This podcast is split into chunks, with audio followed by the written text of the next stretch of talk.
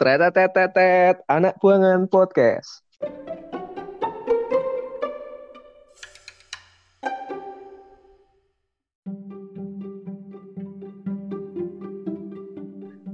Saya ya sebagai pasien kan tanya, boleh swab nggak?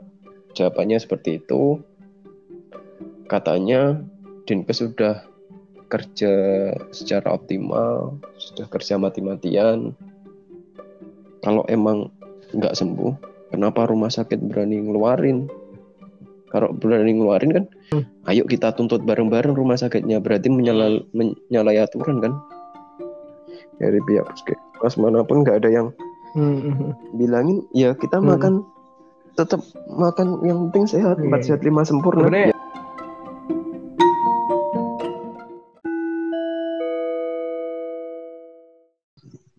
Untuk teman-teman yang mendengarkan podcast ini, saya membantu teman saya membuka donasi untuk warga di Kediri yang terdampak pandemi COVID-19. Barangkali teman-teman nanti berniat untuk menyumbangkan seikhlasnya bisa menghubungi Instagram Daruhanif 08 untuk informasi lebih lanjut. Donasi teman-teman sangat berarti bagi masyarakat yang terdampak di Kota Kediri walaupun nilainya sedikit yang penting teman-teman ikhlas dalam membantu. Terima kasih. Mantap. Iklan iklan layanan masyarakat ini disponsori oleh anak buangan. oke selamat pagi malam semuanya. Kembali lagi di podcast anak buangan. Di kesempatan kali ini saya meng- meng- menghadirkan mengundang teman saya Daru salah satu teman saya yang peduli terhadap kondisi pandemi COVID-19 yang melanda di Kediri khususnya di wilayah kabupaten. Mungkin untuk Daru boleh memperkenalkan dirinya. Oh iya mas. Iya. Ya, nama saya bisa disebutkan yang tadi itu mungkin cuma secuil dari keluh kesah yang dirasakan masyarakat yang sebaiknya kita bantulah, seharusnya kita bantu. Ya, saya dan teman-teman tergerak hati nurani untuk membantu mereka seperti Wah, itu. mantap. Siapa namanya tadi? Mas Daru James, James Riyadi. Wah. Ini namanya Mas Daru Hanif Pramuditya. Wah. Anak hitsnya Kediri. Jadi ini Mas Daru nih memang ini sih, memang saya lihatnya ini aktivis banget nih, keren banget sumpah pemikirannya.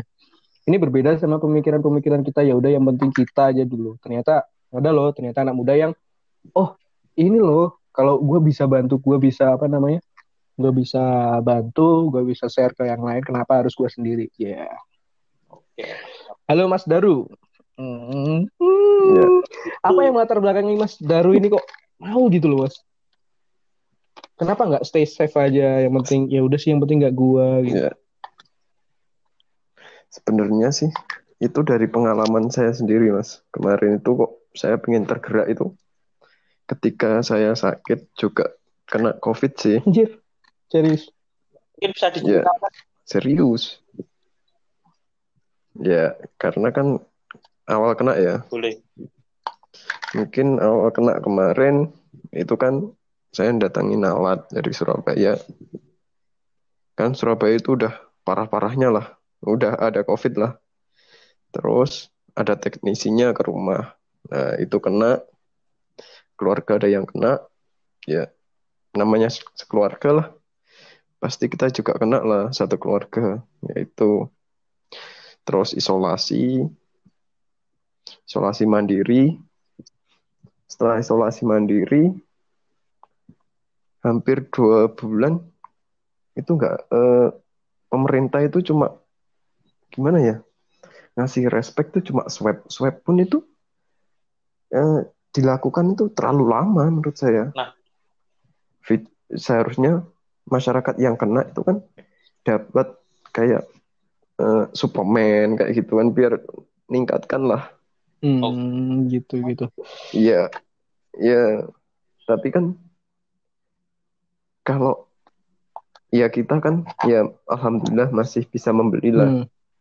bisa beli Hmm. sendiri. Tapi kalau orang yang nggak mampu, Gimana? bayangkan orang nggak mampu, kalau makan kita bisa mengandalkan bantuan dari pemerintahan desa kayak gitu Hmm. kan. Tapi kan juga nutrisi kan juga perlu kayak makanan sehat empat empat sehat lima Iya. sempurna, suplemen Hmm. kayak gitu kan juga perlu. Mm-mm. Bagaimana orang itu bisa pulih kalau kayak gitu da- dasar-dasarnya aja nggak dipenuhi. Hmm. Oke, mungkin dari awal dulu sih Mas, untuk swab sendiri, se- pengalaman yang di khususnya di Kediri itu sendiri, untuk tes swab itu gimana sih ininya mekanismenya ketika awal dulu tahu positif positif kena COVID itu gimana Mas? Dari swab itu. Ya, Hmm. kalau positif COVID itu pertama itu kan orang tua saya ada yang di Gambiran. Nah, itu kena ya otomatis keluarga kan juga kena di swab. Tapi saya di kabupaten. Kabupaten setelah nunggu hasil hmm, hampir dua minggu ada pengumuman positif. Udah kita isolasi mandiri lah. Itu emang swab itu ha- ha- harus nunggu dua minggu apa harusnya bisa lebih cepat?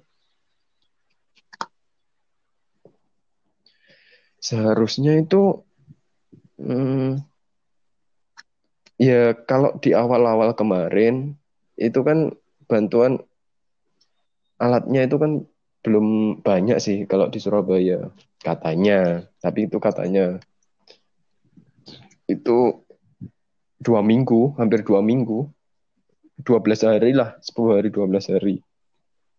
Segitu. Sama kota Kediri sama kabupaten.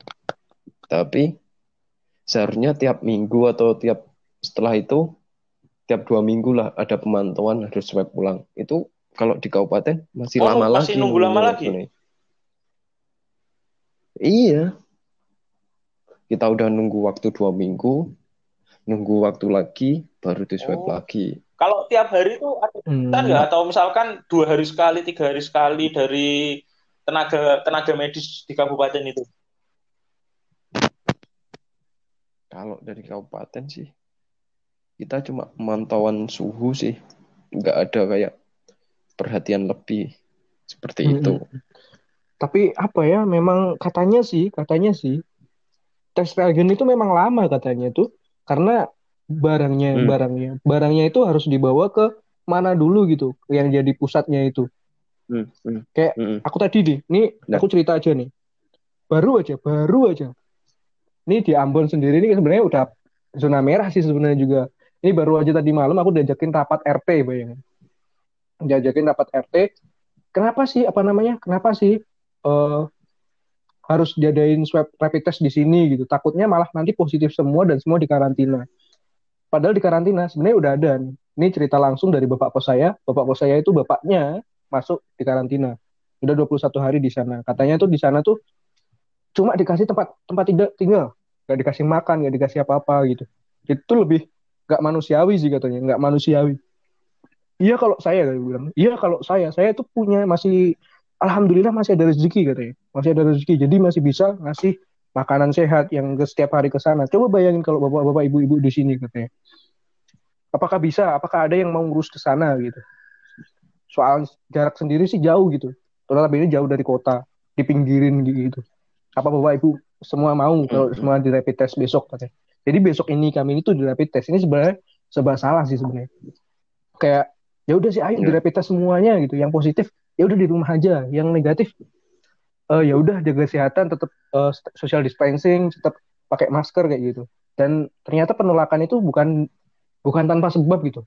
Ditolak tuh karena kar- karena setelah di rapid test dan positif itu nggak ada apa namanya follow up-nya gitu.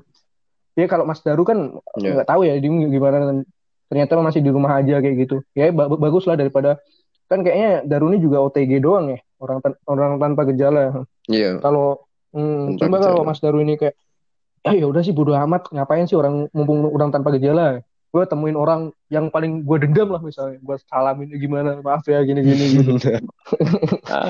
Pemikiran Jadi kan, eh, gitu. iya sebuah kesempatan iya. Menularkan iya. Jadi itu hanya pemantauan cek suhu aja mas.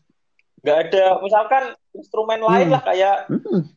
kawasan gimana terus apa i- oh, Tensi misalnya. Atau apa kayak, atau apa atau gitu apa. Nah, nah, nothing. Tak ono. Anjir. Berarti terus itu apa namanya? Dikasih suplemen-suplemen kayak gitu nggak? Vitamin vitamin B, vitamin C atau apa gitu? Hmm. Kurkuma Hmm. itu cuma awal sih. Setelah kita eh, positif, langsung di ronsen, tahu Hmm. paru-paru. Aku kan juga nggak ada infeksi, Hmm. nggak ada apa-apa, paru-paru bersih. Walaupun ngerokok Hmm. lu. Aku tetap ngerokok. Wah. Wah. Terus. Ya, itu ya, ya bersih aja Hmm. tetepan. Tapi cuma dikasih kurkuma itu Hmm, satu itu strip. selama Hmm, terus. dua apa selama beberapa minggu itu cuma dapat satu strip itu aja Hah? Kurkuma yang kecil-kecil. Kurkuma yang kecil-kecil itu cuma satu strip. Anjir. Anda Wah, yakin? Tapi emang ini sih ngeri banget sih sumpah. Apalagi nih saya baru tahu kalau harganya itu mahal ya. Harga apa namanya rapid test itu. Ini tadi ada paket-paketnya tuh sampean anjir kayak paket makanan aja. Itulah yang sebenarnya jadi tolak ukur. Hmm, Kenapa pemerintahan secara hukum kan ini udah eh, bencana nasional. Namanya bencana nasional. Rapid test sih sebenarnya Iya, kita itu nggak boleh bayar. Seluruh warga Indonesia itu sebenarnya nggak bayar. Seharusnya. Karena itu bencana. Itu menjadi Iya, tanggung jawab pemerintah Karena sih menurut apa? saya. karena itu dari se- itu- seluruh dunia lah mengalami Jadi kalau masyarakat masih disuruh bayar kebacot itu namanya pemerintahnya dan mungkin untuk masyarakat-masyarakat yang mohon maaf yang dikatakan nggak mampu tuh kan bingung juga kalau harus bayar sedangkan untuk makan mereka masih mikir-mikir juga hari ini makan apa besok makan apa kan masih Hmm. bingung Hmm. Sebenarnya mampu nggak mampu bukan gitu men. Mampu pun juga anjir ngapain gua buang duit buang duit yang seharusnya ditanggung oleh orang gitu yang seharusnya ditanggung oleh pemerintah gitu. Bukan salah kita gitu kan. Nah, dengar-dengar sih swab test kalau di Kediri itu hampir 2 juta katanya. satu satu orang Satu kali. Anjir. 2 jutaan lah. dua juta. Iya. Terus kalau di swab test hasilnya positif gimana? Ya, itu setelah itu tanggung jawab pemerintah Jadi balik lagi mas, baruan. Kok gitu banget? setelah eh ini kalau setelah swab kan dinyatakan positif tadi terus isolasi.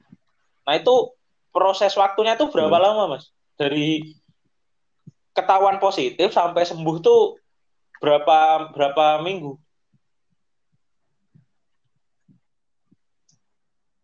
Eh, kalau sembuh Oh, beda-beda. itu tergantung imun sih, Mas. Sebenarnya Kalau nggak bisa kita jadi Hmm. patokan kayak katanya orang aku setelah 14 hari pasti sembuh. oh, kalau mas Belum Heru tentu sih kayak aku selama sampai dua bulan ini masih berjalan ini nunggu udah swab tapi tinggal nunggu hasil swab Hmm. terakhir Berapa kali? Berapa kali tuh? udah kalau kabupaten ini cuma tiga Tiga kali, kali. ini tak di kota itu kan punya alatnya Dan positif Hmm. semua. dengan Anjir. ya ini nunggu waktunya sih paling lama itu eh, ini swab ketiga itu hampir satu bulan yang lalu Eh, nggak sampai satu bulan eh, dua minggu yang Hmm. lalu tapi belum keluar sampai sekarang. Akhirnya. Hmm. Hmm. Nih nih nih aku aku jelasin ya. Ini tadi di- ada di kalian ini. Gimana sih apa namanya? Eh bagaimana sih siklusnya gitu? Ternyata ada siklusnya itu beberapa fase yang 14 katanya 14 hari atau 21 hari ternyata masih neg- masih masih positif kayak gitu. Nah, ternyata itu ada masa inkubasinya, terus gejala tanda, terus penyembuhan kayak gitu kan. Itu katanya tuh em, 21 hingga 27 hari. Kalau lebih dari itu ada infeksi sekunder atau reinfeksi itu harus diteliti ulang. Jadi sebenarnya masih belum jelas sih, masih mengawang kayak gitu. Jadi bisa aja kayak Daruti kok bisa sampai beberapa minggu sampai 27 lebih dari 21 hari masih positif lagi itu kayak apa ya? Butuh kita tuh butuh apa namanya seseorang yang yang udah tahu paham. Sedangkan orang itu nggak ada yang tahu gitu. Jadi kayak masih mengawang-awang aja menerka-nerka gitu. Padahal dokter juga dokter sendiri juga katanya katanya nih yang di berita-berita itu juga nggak tahu kalau bagaimana sih penyebaran kayak gitu buktinya banyak dokter yang berguguran kayak gitu. Ya ngeri banget nih. Hmm. Hmm. terus yang positif positif tuh perlakuannya apa gitu Terus maksudnya akhirnya akhirnya nih Nah, akhirnya kamu eh, punya ya. salah satu positif dalam hidupmu hmm. Astagfirullah. apa gitu apa namanya perlakuannya untuk yang positif gitu atau kamu nih di, di apain atau hanya kesadaran pribadi kalau ah saya udah positif saya nggak boleh keluar kayak gitu atau gimana Ya dari kesadaran pribadi sih sebenarnya. Harus sadar. Terus kalau penang yang saya sesali itu ketika penanganan kemarin saya itu minta swab test Hmm. di Kota Kediri. Kan Kota Kediri dapat Hmm. bantuan. Tapi ketika saya tanya di RS Kota Kediri, katanya harus minta surat rujukan dari Dinkes daerah terkait. kabupaten hmm. Kabupaten Kediri lah. Saya minta ini kenapa eh, saya bisa nggak swab test di Gambiran? Hmm, Jawabannya katanya minta surat rujukan puskesmas. Setelah saya tanya puskesmas, nggak bisa karena itu ke- kebijakan dinkes. Saya tanya lagi, ini kebijakan dinkes katanya puskesmas nggak bisa. Ini dilempar-lempar kayak dilempar-lempar terus. Antara pihak sini bisa pihak sini antara puskesmas sama dinkes dilempar terus. Ketika tanya dinkes katanya reagen dari Lu. gambiran itu tidak mencukupi. Padahal dari gambiran itu sudah menye- menyetujui sih. Berarti kan ada nggak nggak ketidakjelasan dan, oh iya dan setelah itu kalau ngeri nggak ya? salah dari dinas dinas kesehatan nggak tahu kota kabupaten lupa bikin postingan yang itu rapi rapi tes atau swab test harus bayar kalau nggak salah. Kan dibisnisin. Hmm. di bisnisin anjir. Enggak sih mungkin sananya juga nggak ada duitnya Dad. Kayak tadi kan apa ya sempat ngobrol juga. Ada loh salah satu desa itu yang berani nge-rapid test satu warganya satu semua warganya gitu. Dan ternyata itu pakai uang sendiri. Sedangkan ada beberapa desa itu yang yang ngapain rapid test kalau hasilnya positif gitu ada yang positif malah lebih takut-takutin kayak gitu. Nah siapa yang membiayain kayak gitu? Ini ada nih dari em, ini desa Gurah infonya rapid test mandiri dibiayai puskesmas. Nah se- sebenarnya nggak dibiayai Hmm, puskesmas dibiayai sih mas.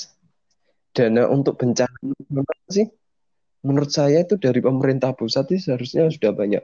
Dari anggaran Pemkap sendiri. Kan sekarang pembangunan Hmm, tuh nggak nyatanya nggak cair. Terus APBD itu dari nyatanya nggak cair. Ini Hmm. tadi di di Ambon juga gitu Oru jadi apa sih yang ditakutin warganya? Ya takutin itu. Dia cuma nanggung tempatnya doang. Eh tempatnya doang di tempat LIPI yang udah ada kayak gitu tinggal diolah aja makanya kayak mana ternyata lanjut berlanjut berlanjut nggak ada uangnya dananya belum cair katanya Hmm. Hmm. nggak mungkin APBD itu udah cair gini. semua sih menurut Setiap- saya mungkin ya tapi tergantung kebijakan dari daerah ya pemerintahan heeh. daerahnya masing-masing buktinya di kota itu penanganan baik sih kalau kabupaten gimana Kediri. kayaknya kamu juga protes-protes Ah. itu karena kemarin. Saya baca di Twitter saya baru tahu kalau ah Daru positif Iya. COVID. Anjir lah tenanan gitu anjir langsung Hmm. Sebenarnya langsung udah tak lama chat gitu. Ru tenanan COVID. Iyo. Padahal sebelumnya tuh ngobrol biasa kan telepon-teleponan. Ngapain di rumahnya dolan lah. Kayak eh bodo amat lah kena COVID apa yang rumahnya gitu. Ternyata beneran COVID. Dan untungnya kamu nggak ke mana-mana coba kamu dengerin omongan saya. Iya nyebar satu kabupaten kediri nah. Ya kalau kemarin pas positif kalau ketemu sama saya untung saya nggak pernah ketemu Hmm. sama teman-teman sih kemarin. Nggak pernah ngopi nggak pernah kemarin. Tapi kan pas waktu ngurusi kerjaan ketemu sama orang banyak ya nggak tahu. Sama ketemu siapa aja ditanyai ketemu sama siapa nggak tahu sampai lupa Oh, berarti saking ketika dinyatakan orang. positif tuh di ditelusur kayak riwayatnya ketemu siapa. Di tracing ya, di tracing namanya. Di tracing ternyata nggak tahu gitu ya. Susah juga sih sebenarnya ya. Ya kali kita mau inget-inget siapa aja. nggak bisa ya nggak bisa lah mas kita mau nginget tiap Hmm. hari ketemu orang Hmm, hmm, hmm. banyak dan itu beda-beda tiap hari Anjir. Nggak mungkin ya yang sama cuma keluarga Dan keluarga positif keluarga semua. aja kan Aduh. ya Tapi udah sembuh kan ya? ya kalau Hmm. orang tua sembuh tinggal saya Hmm. sama adik lah sembuh dan bisa tergerak lagi untuk membantu masyarakat di Kediri ya. Oh, Hmm, hmm. Ya ini Dan gimana follow up-nya Mas? Sebelum, sebelum, sebelum ke situ, Apa yang disesalin nih? sebelum ke Ini situ itu aku ada ini sih kayak Ya. perbandingan antara penanganan COVID-19 di kota dan kabupaten. Yang pertama ketika di Gimana kota, tuh? ketika di kota terdengar kasus pertama di di mana ya? Yang pertama di camat ah, di di kota saya, saya lupa di Pakelan apa ah di mana itulah Ah, ya di kota kediri lah kota. Ya, mm. itu langsung turun langsung ma- mantau gitu situasinya gimana. Terus otomatis di wilayah itu langsung ditutup. Kayak gitu. Hmm, baru hmm, satu kasus hmm. langsung ditutup. Jadi Benar, agak benar, kan bisa menekan lah. Menekan dulu. Sedangkan di kabupaten ketika Iya, ada kasus bupatinya langsung sembunyi. Tidak ada kabarnya sampai sekarang. Kalau menurut saya turun bupati, wali kota turun nggak turun itu tergantung pribadi masing-masing ya. Yang penting eh, cara tindakannya ya Pak. Kalau orangnya mau turun silahkan, mau kelihatan silahkan. Yang penting tindakannya sih tak menurut saya. Nah, tindakan dari eh, kabupaten sendiri itu kayak ada eh, kayak orang lain tuh nggak boleh tahu. Kayak dihambat, kayak dilama-lamain biar kasus positifnya itu nggak terlalu merebak kayak gitu Mm-mm. sih menurut saya. dan per Jadi kayak apa ya? hari ini itu Kabupaten Kediri itu masuk lima besar wilayah di Jawa Timur dengan persebaran COVID positif. Nomor Yang empat, nomor empat paling banyak nomor setelah empat. Surabaya, Sidoarjo dan Gresik. Hmm, Mantap. iya. Tapi kemarin itu kan saya tak gencar sih sama teman-teman. Saya tanya, Eh, mungkin dari Dinkes ter- eh, Kediri juga saya tanyai. Saya ya sebagai pasien kan tanya, boleh swab nggak? Jawabannya seperti itu. Katanya Dinkes sudah kerja secara optimal, sudah kerja mati-matian. Ya kita kan sebagai eh, sarjana lah, mahasiswa.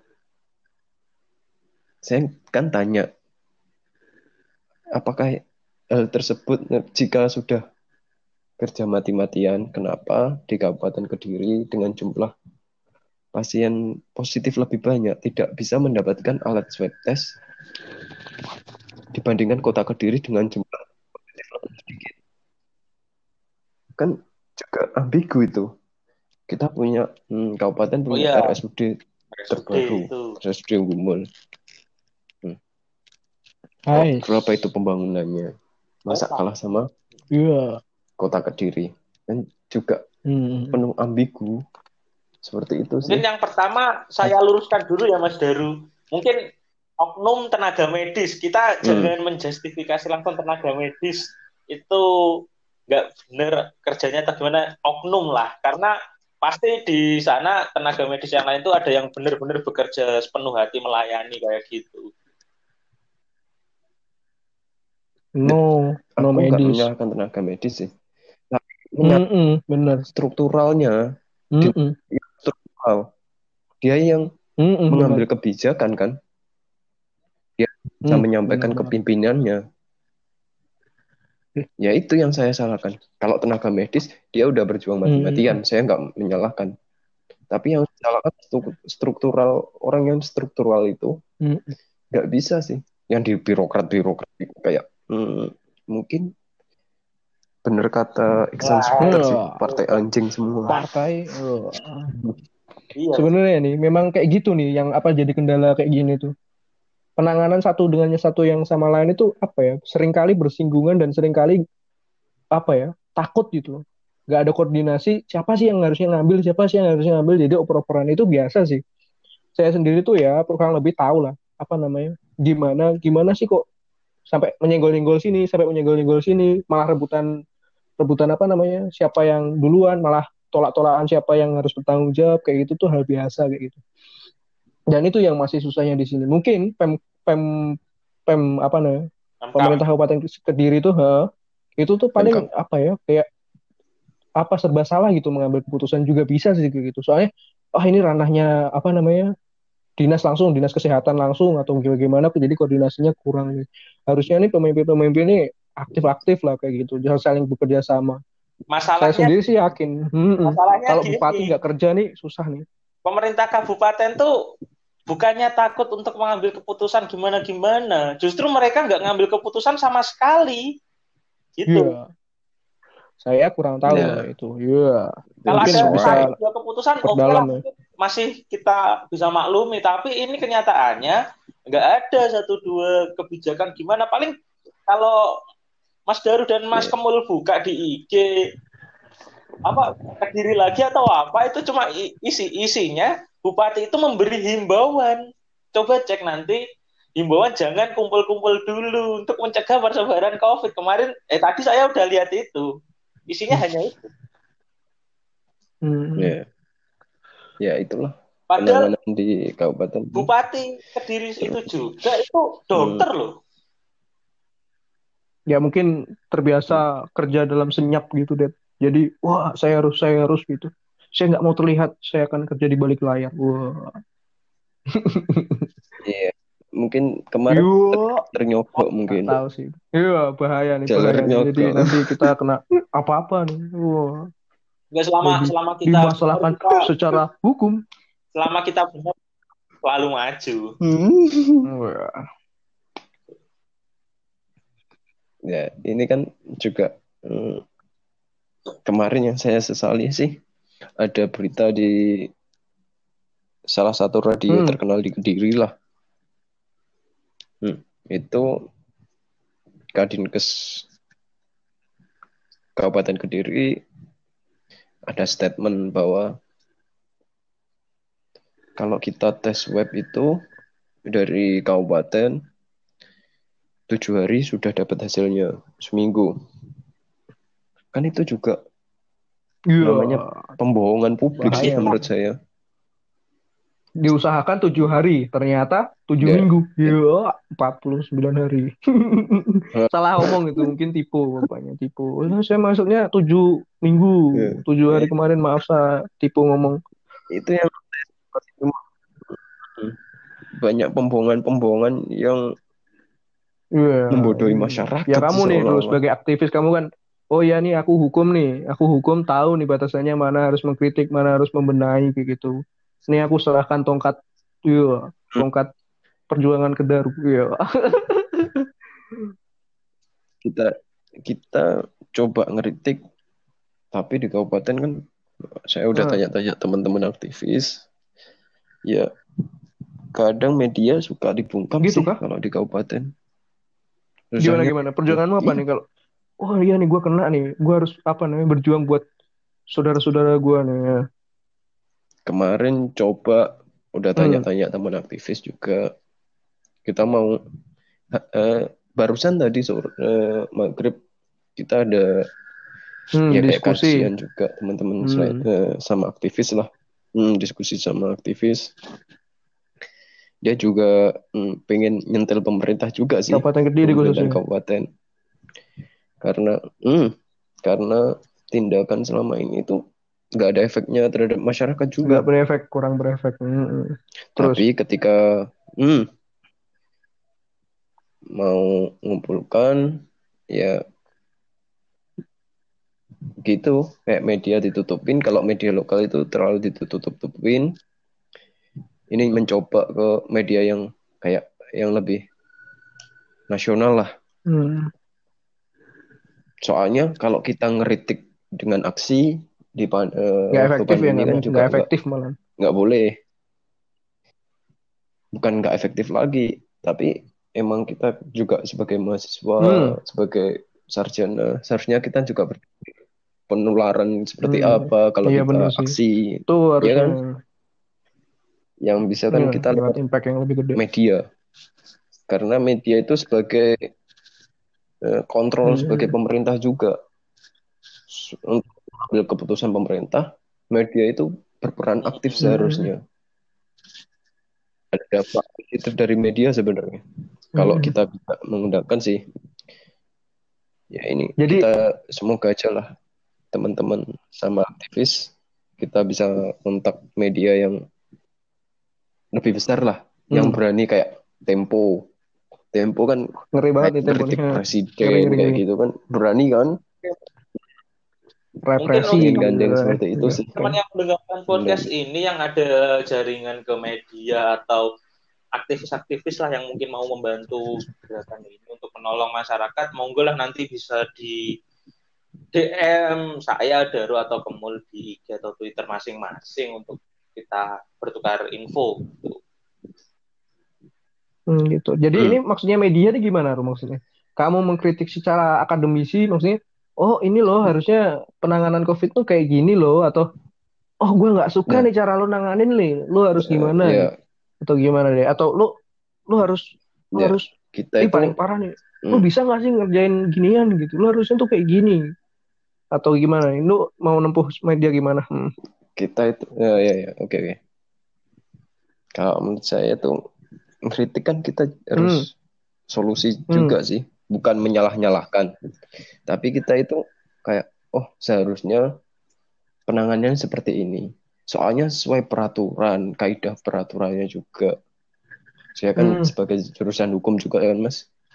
Kan ya sesuai peraturan-peraturan yang berlaku seharusnya dalam kayak bencana ini harus penanganan harus cepat sigap harus kerjasama dengan pihak-pihak mantap. terkait lebih dipercepat Hmm, hmm. ya kayak gitu Iya sih bener.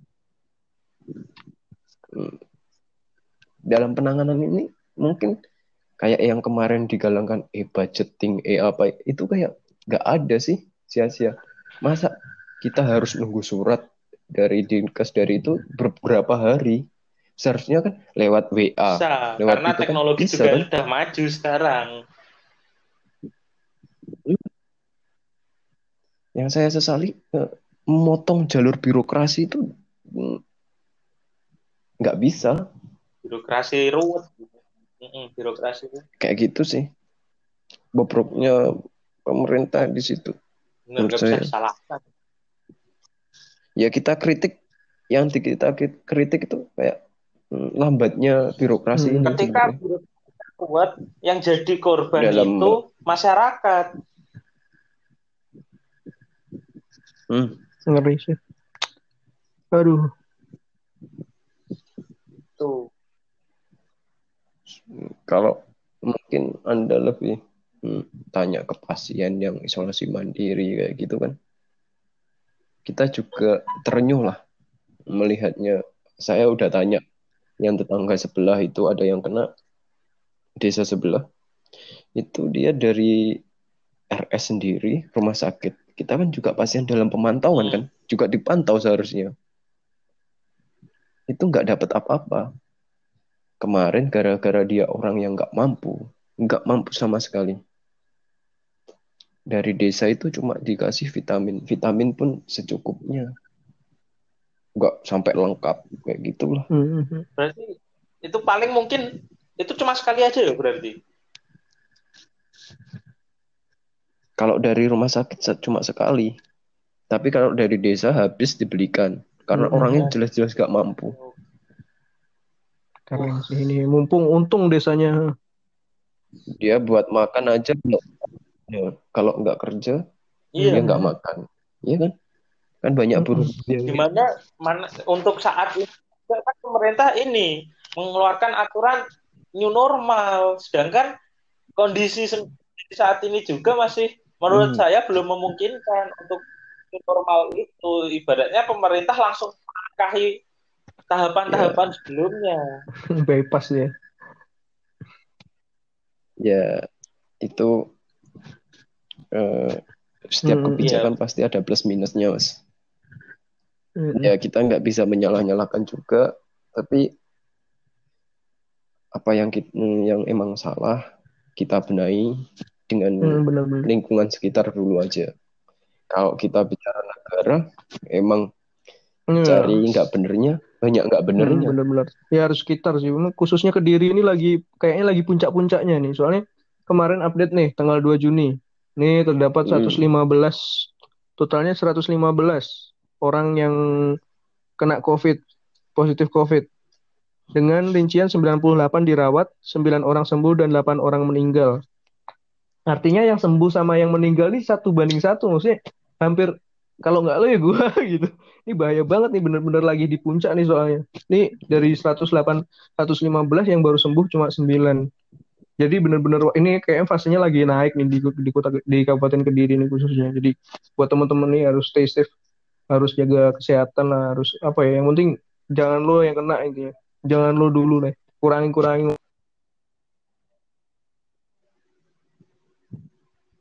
Oke, itu sih sebenarnya.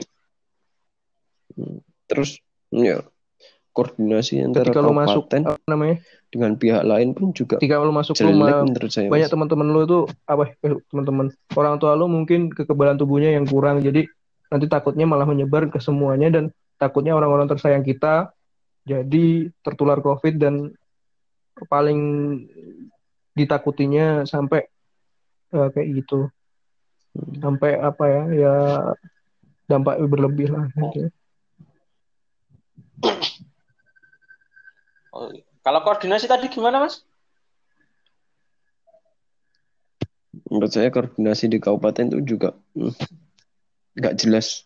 Eh, Soalnya ada pengalaman sih.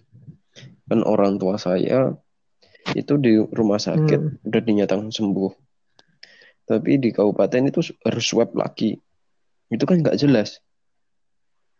Seharusnya pasien itu ya yang lebih tahu kan dokter di rumah sakit, bukan pasien. Yang menyatakan sembuh kan dokternya.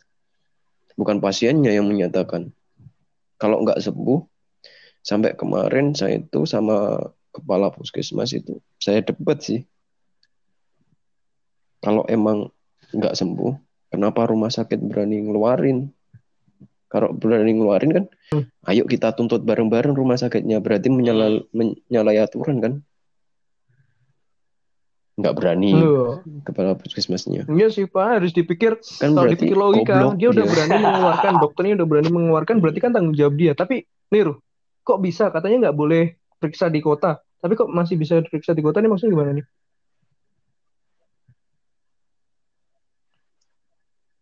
Nah, Hmm, kan gini Hmm. Setiap rumah sakit nggak boleh men- menolak pasien. Apa pun Hmm. itu. Kan ketika sakit dibawa ke sana, nggak mungkin pasien ditolak kan?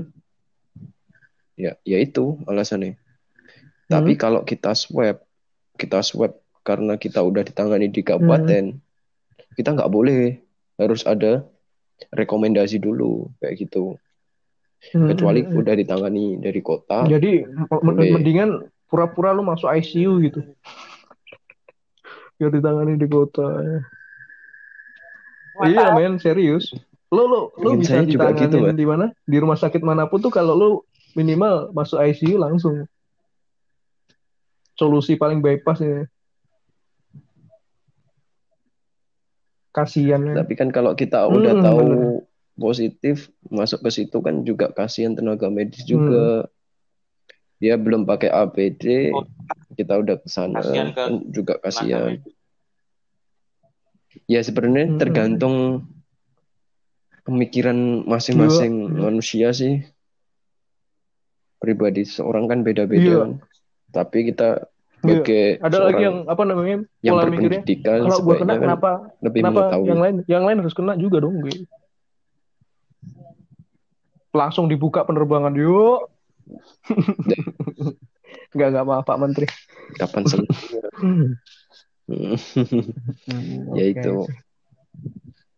Tapi justru apa ya masyarakat tuh harusnya juga sadar lah gimana sih cara dari ini eh, Tapi ya kalau sebenarnya sadar gak sadar itu kalau menurut saya Mas ya kalau di, tahu sendiri masyarakat Indonesia seperti apa Indonesia kan kita kan kalau di daerah saya Hmm. sendiri kan Benar. kita kan kau- kaumnya pekerja lah kalau nggak Hmm. kerja kita nggak makan Mm-mm. kalau dia itu dijamin hidupnya peraturannya lebih jelas Mau, mau. Mm-mm. Ya, untuk dia Karena nggak ada pilihan diri lagi, di men. rumah itu bisa sebenarnya eh, anjir daripada gue mati kena corona, Hmm. Kalau nggak kena corona ya mati kelaparan. Milih yang mana kayak gitu Ya. kan serba salah jadi.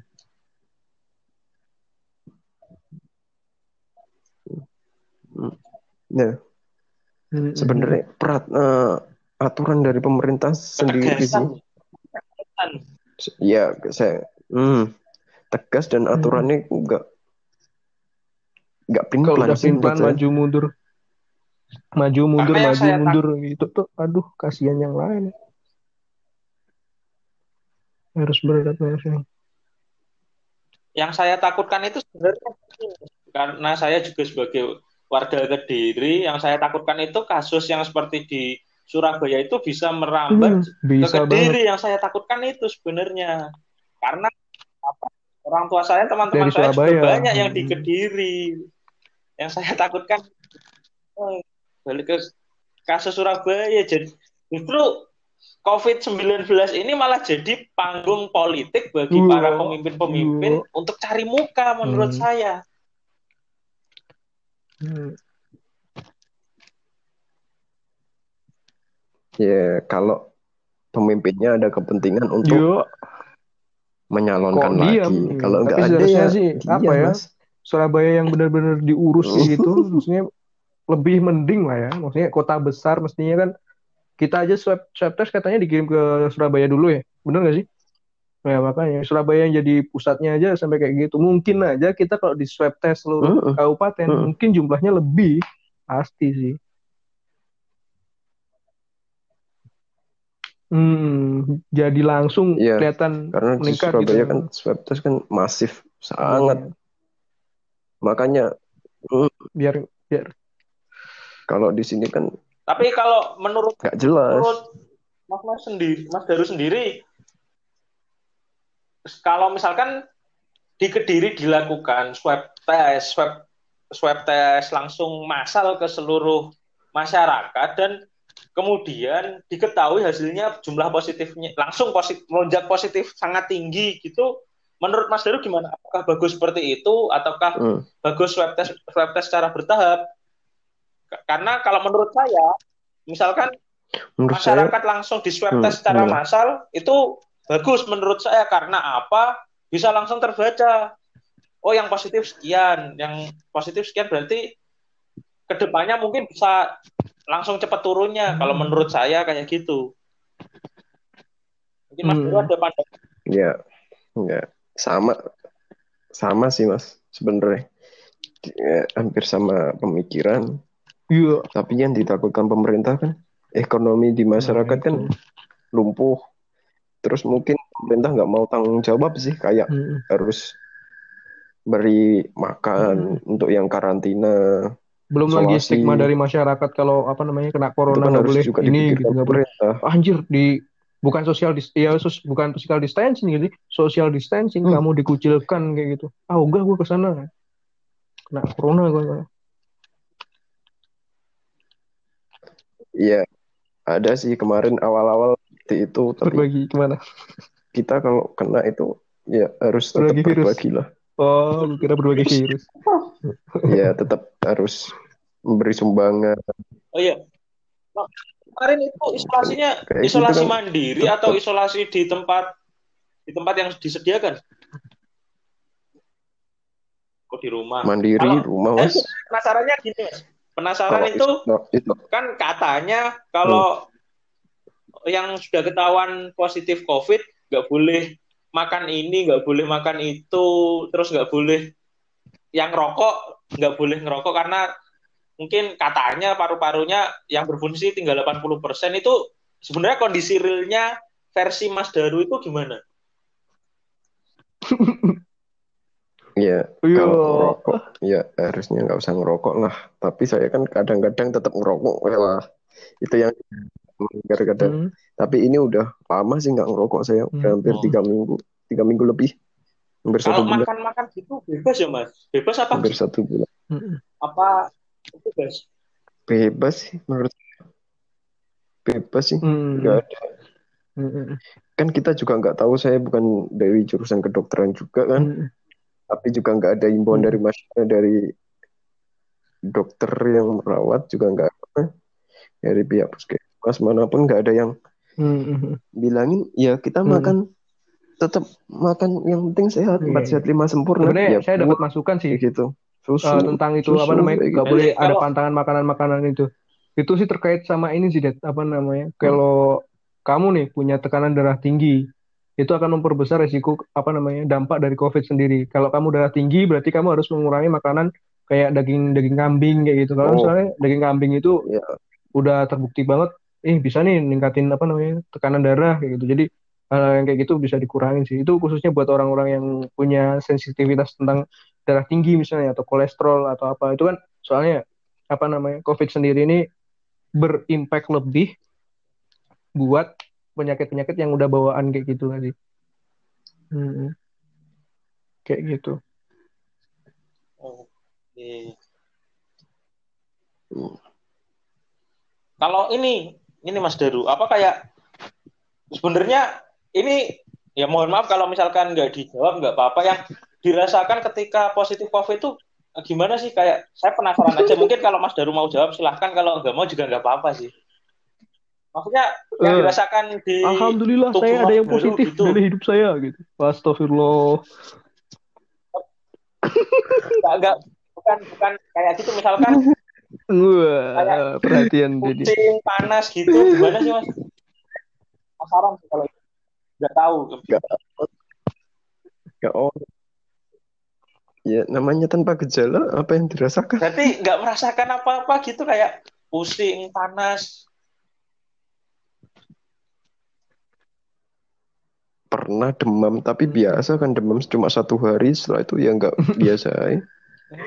oke oh oh bingung kayak oh gimana sih orang yang kena ini apakah dia apa kayak panas dingin gitu Panas kan? dingin, pusing, sesak atau apa gitu kan. Kita nggak tahu. Kok nggak sampai segitunya Tapi serius loh, saya apa namanya agak parno gitu. Iya, itu Serius. nggak Saya dikit-dikit anjir panas, ternyata masuk angin. eh takutnya udah covid gitu, pikirannya udah covid nih, covid nih. Aduh, mukat nih gua sholat lah sekarang apa namanya, sholat tobat lah gua sekarang. Samurat. Ternyata kena asam urat ya. Maksiat lagi, yo. sebelum mati ya mati Aduh, aduh, aduh. Hmm, Hmm, gimana? Tapi untuk Mas Daru sendiri setelah Ya. dinyatakan Apa positif? COVID itu apa Mas? Ada nggak ada hikmah? apa Hikmah pesan gimana sih gimana gimana dinyatakan positif itu ada hikmah nggak? Iya. Itu kamu nggak? Gimana ada apa Oh untuk putus-putus nggak hikmah ada. sendiri Mas setelah dinyatakan positif COVID Oh, itu iya. tadi apakah menemukan Iya. pencerahan Iya. atau hikmah itu? Nah. saya kita bisa mengajarkan lebih peduli terhadap masyarakat sekitar sih Hmm. Hmm. kan Hmm. biasanya saya kan su- suka keluyuran kayak ngopi nggak Hmm. pernah di rumah kayak gitu kita bisa mendekatkan ke ke keluarga sebenarnya ngobrol sama keluarga kayak gitu sih kayak ibadah lebih eh, Hmm. di rumah kalau nggak ibadah kan nggak ada kegiatan juga kan lebih Hmm. lebih kayak teratur ibadahnya sih kalau menurut saya banyak banyak dampaknya juga yang mungkin sebagai kayak yang kemarin gak baik-baik Hmm. yang mungkin gak peduli sama orang lain lebih peduli bagaimana kita bisa merasakan masyarakat luas yang kadang Mm-mm. oh kita masih bersyukur lah kayak gini bisa seperti ini jadi bers- lebih bersyukur terus yang biasanya Mantap. jarang di rumah Alhamdulillah. sekarang Dan bisa untungnya apa namanya? rumah terus kayak gitu Alhamdulillah. Udah lulus ya? Bisa. Udah lulus ya? Iya. Alhamdulillah. Udah wisuda juga? Belum? udah udah udah. Tadi mau perkataannya Mas Baru yang ini Eh, jadi lebih peduli terhadap orang. Nah, itu kan salah satu hal yang men- latar belakangi dan mendasari Mas Daru membuka campaign untuk teman-teman bisa berdonasi Hmm. untuk membantu warga di Kediri. Mungkin bisa dijelaskan, Mas. Teman-teman yang ya kemarin kan Hmm. kemarin kan saya cerita sama salah satu teman saya Sony lah. Sony sebagai Soalnya masih mahasiswa, juga kan. belum ya, lulus dia. ya masih mahasiswa juga. Hmm. belum belum. Tapi masih praktek itu mahasiswa praktek tuh ya.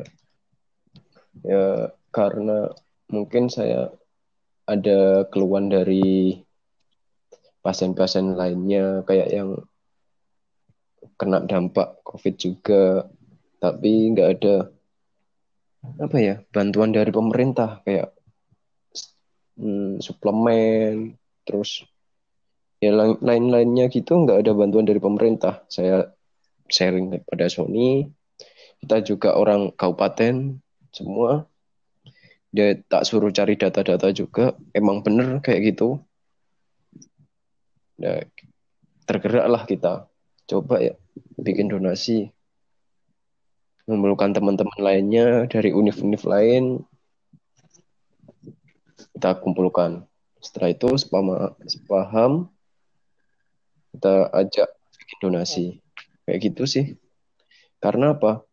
Kemarin donasi yang diberikan hmm, kebanyakan donasi yang diberikan itu sasarannya kan kepada orang yang kayak di jalanan buat beras kayak gitu kan. Sembako lah istilahnya banyak diberikan sembako. Nah di donasi kita itu kita berikan langsung ke pasien yang isolasi mandiri. Kenapa pasien isolasi mandiri? Karena pasien isolasi mandiri ini nggak dapat perhatian lebih khusus dari pemerintah. Namanya orang sakit seharusnya kan seperti kayak suplemen, makanan yang sehat, kayak gitu sih. Tapi ini nggak ada dari pemerintah. Pemerintah Oke. khususnya Kabupaten Kediri sih, Nah, kalau untuk mengetahui seperti itu. siapa-siapa aja nih Mas yang warga yang melakukan isolasi mandiri itu gimana? Apakah sudah ada datanya atau gimana? Eh, kemarin saya sharing sharing sama teman-teman udah ada data-datanya sih kan di Kominfo Kabupaten Kediri itu disebutkan juga siapa yang isolasi siapa yang datanya pasiennya berapa ini klaster mana kita tanyakan ke dinkes terkait kayak gitu Oke, juga Berarti sudah ada. Nah, untuk teman-teman yang mungkin mau donasi, caranya gimana Mas? Mungkin bisa disampaikan. mungkin nanti akan kita share lewat Ya, Twitter, di Twitter, podcast keuangan ya ya Iya. atau kita sebutkan Boleh nomor rekening ya Atau DM aja nanti. Kayaknya juga nggak bakal dicatat sama Hmm. pendengarnya. bentar bentar bentar Nah, DM Mas Daru Hanif. Iya, Mantap. lebih baik di- Oke, mungkin di DM. Pesan untuk teman-teman nih Mas, yang teman-teman pendengar nih. di luar sana. Itu Iya a- nih Ru, ada kenapa kenapa kita harus apa namanya membantu sesama nih? Apa gue kurang sadar terhadap sesama apa yang menyadarkan gue gitu Ru?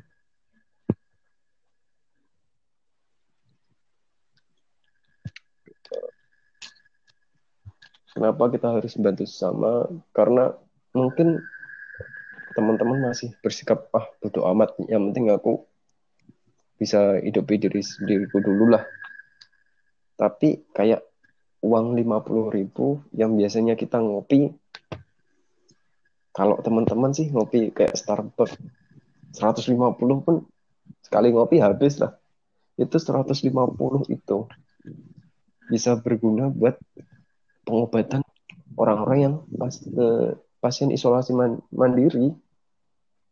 Bagaimana kita bisa menyembuhkan orang-orang tersebut kalau Hmm. kita nggak mau donasi? Kita bisa merasakan kalau kita udah terkena.